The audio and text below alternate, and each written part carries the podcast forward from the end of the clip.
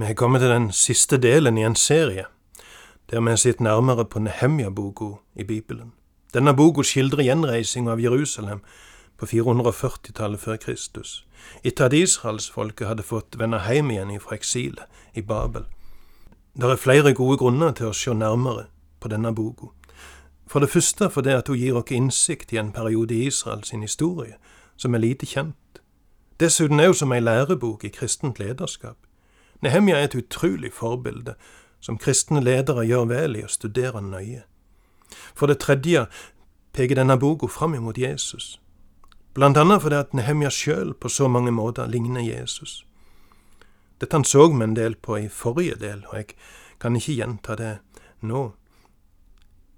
For det fjerde er det interessant å se parallellene mellom det som skjer i Nehemja-boka, og det som skjedde da Israel gjenoppsto som stat på 1940-tallet. Det at bymuren rundt Jerusalem ble gjenoppbygd på Nehemjas tid, betydde i praksis at folket gikk ifra å være ei svak og forsvarsløse gruppe til å bli herrer i eget hus. Riktignok var de fremdeles underlagt kongen i Persia, men de var ikke lenger i lommen på de som styrte naboprovinsene.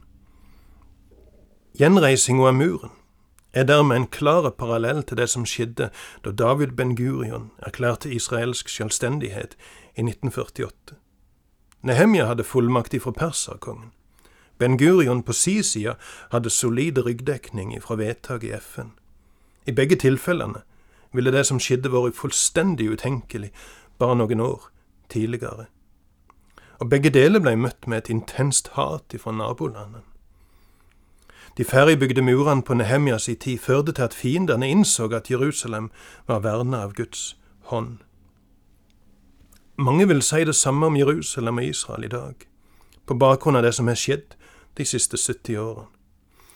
En erkjennelse av at Gud har verna og velsigna Israel i nyere tid, er imidlertid ikke det samme som å påstå at Gud aksepterer alt det som jøder gjør og har gjort. Å si at Gud har verna og velsigna Israel, er derimot en erkjennelse av Guds truskap imot de som han er kalt. Denne truskapen bygger ikke på det vi gjør, men den er ofte i kontrast til det vi gjør. Som Esra sier det i Nehemja 9, vers 33. Du har vist trofasthet, men vi har vært ugudelige. Den femte og jeg vil si den aller viktigste grunnen til å studere Nehemjas bok, er at denne boka gir oss et bilde av ei åndelig gjenreising. Murene kan stå som et symbol på de grensene og normene som beskytter det sårbare i et samfunn. En mur er et skille, og dette har to sider. For noen er muren et stengsel. For de på den andre sida er muren et vern. På samme måte som bymuren var nødvendig for å skape trygghet for folk i Jerusalem, sånn trenger samfunn til alle tider murer, gjerder, stengsler, grenser som et vern om det som trenger beskyttelse. I mange samfunn har dette tatt form av konkrete murer rundt hus, rundt viktige institusjoner, rundt slottet, kirka, skolen. Men mange ganger er murene abstrakte. Unger er vernet av barnekonvensjoner. Svake grupper er vernet av menneskerettskonvensjoner. Stater er vernet gjennom allianser og forsvarspakter, som gjør at tyranner vegrer seg for å begå krigshandlinger. De veit at konflikten fort vil eskalere, auke, og at det vesle nabolandet har mektige allierte.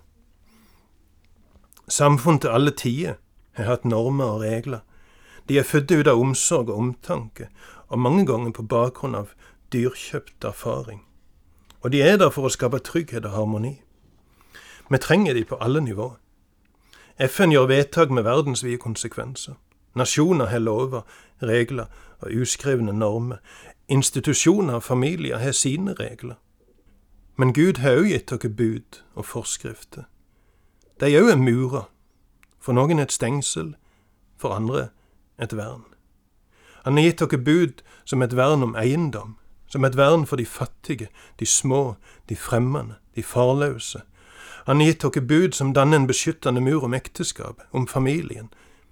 I Moseloven ser vi til og med regler som verner fuglungen i reiret og oksen som trøsker. For noen er Guds regler et forhatt stengsel, for andre er de en beskyttende mur.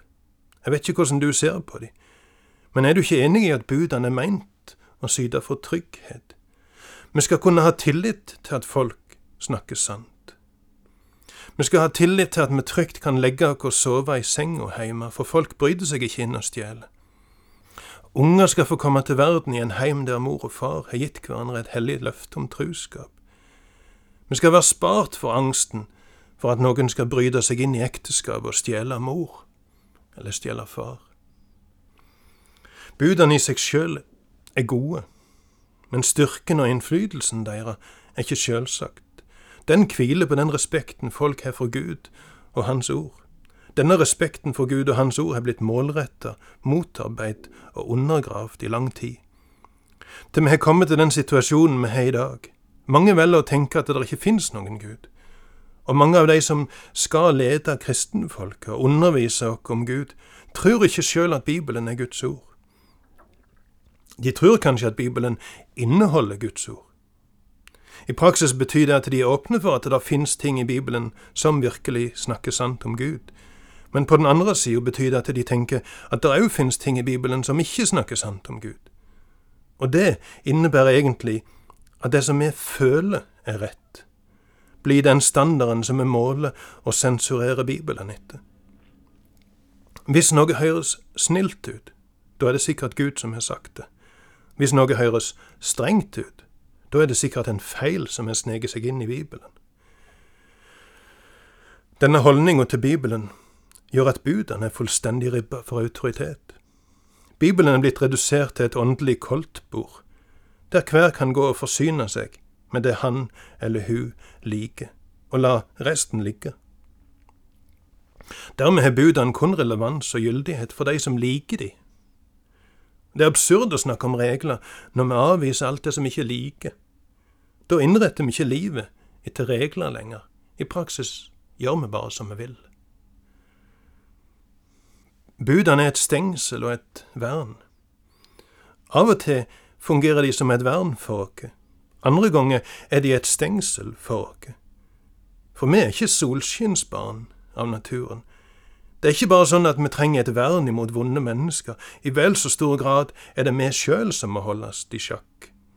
Vi kjenner lysten til det vonde i hjertet. For noen er det misunnelse og trangen til å eie. For andre trangen til å lyge og gjøre seg til en annen enn den en er. Ureine tanker er ikke langt vekk ifra oss, ei heller tanken på å rakke ned på andre. Vi trenger disse budene, og gudskjelov så har vi de. De er ikke bare ett av ei rekke tilbud på et koldtbord. De er evige, guddommelige bud, skrevne i stein og skrevne inn i Guds evige ord. En dag skal vi stå til ansvar innenfor Gud sjøl for hva vi har gjort med dem. Det fins en annen dimensjon òg, ved det at budene og reglene markerer et skille, en mur. De markerer nemlig hva som er innenfor og hva som er utenfor. Når murene er nedraste, blir dette en skille utydelig, og interessant nok ser vi dette i Nehemjas bok. Tobia som var guvernør i Ammon, og en av Nehemjas sine argeste fiender, hadde et jødisk navn. Det er faktisk Guds eget navn som utgjør den siste delen av Tobia sitt navn. Sanballat, guvernør i Samaria, kalte en av sine sønner med et jødisk navn, og ei datter av Sanballat ble gift med en sønnesønn av ypperstepresten i Jerusalem. Ledende jødiske familier knytta vennskapsbånd med Sanballat og Tobia og den sjokkerende, utenkelige konklusjonen som tvinger seg fram, er at det ser ut som at folk mente at Tobia og Sanballat, Nehemja sin erkefiender, var innenfor, at de var trusfulle. Det var greit å knytte allianser med dem. Når respekten for Guds ord forvitrer, mister budene sin autoritet og innflytelse, og skillet mellom innenfor og utenfor blir utydelig. Vi ser det i Norge.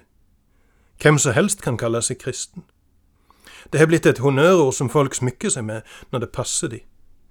I dag kan ingen protestere hvis mennesker kaller seg kristne, men aldri går på møte eller gudstjeneste, og aldri leser i Bibelen, og sjelden eller aldri ber, og er totalt fremmede for tanken på å la livet sitt bli styrt av det som Bibelen sier.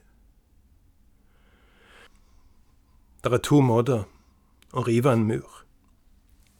Du kan gå løs på sjølve muren, eller du kan ødelegge fundamentet. I forbindelse med krigføring i eldre tid var dette den siste ganske vanlig. En angripende her gravde tunneler djupt ned i bakken, under fundamentet til muren, rundt byen som de skulle angripe.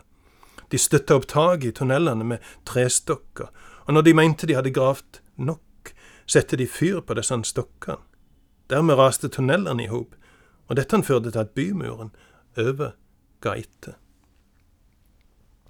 Undergraving, eller underminering, kalte de denne framgangsmåten, og Bibelen sin autoritet som Guds ord har blitt undergravd i lang tid.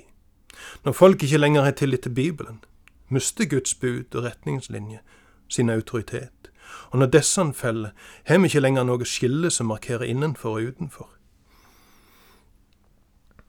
Parallellen mellom murer og Guds ord er ikke tatt ut av lufta. Mange avsnitt i Bibelen stadfester denne koblinga. Vi ser det blant annet i Salme 51, der kong David bekjenner synden han er begått da han lå med Batseba og fikk ektemannen hennes drept. Bygg Jerusalems murer, er Davids inntrengende bønn til Gud da han hadde bekjent synda si. Det var ingenting galt med de fysiske murene rundt Jerusalem.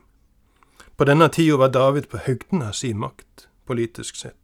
Forsvarsverkene rundt byen var intakte, og det var ingen hærer som trua, men David så at han med si synd hadde revet ned folk sin respekt for ekteskap og respekten for liv, og han ber Gud bygge opp igjen Jerusalems murer. Eller vi kan nevne ordspråkene 25 vers 28, som en ødelagt by med nedrevet mur er en mann som ikke kan styre sitt sinn. Vi lever i et samfunn med nedraste murer. Et samfunn der mange har mista respekten og tilliten til Guds ord. Sjøl hos mange som er kristne ledere, er denne tilliten mangelvare. Dermed mister budene sin innflytelse. Og når budene mister sin innflytelse, forsvinner stengsler, og samtidig forsvinner det vernet som budet skulle gi til de som trong det. La det drive oss ned på kne, sånn som det gjorde med Nehemja, i inderlig bønn til Gud for landet og folket vårt. La oss, sånn som han sier vi og eg, når vi bekjenner sviket i folket vårt. vi har synda. La oss sånn som Nehemja går ifra bønnekammeret med en villighet til sjøl å gjøre noe. La oss våge å holde fast på sannheten og tåle hån og spott og trusler og angrep. Gud sier i Jesaja 58, vers 12, Sønner av deg skal bygge opp igjen ruinene fra gammel tid. Grunnvoller som har ligget der fra slekt til slekt, skal de gjenreise, og de skal kalle deg den som murer igjen murbrudd og setter veier i stand, så folk kan bo i landet. Og om det kunne bli sant for oss. Jeg ber for Norge.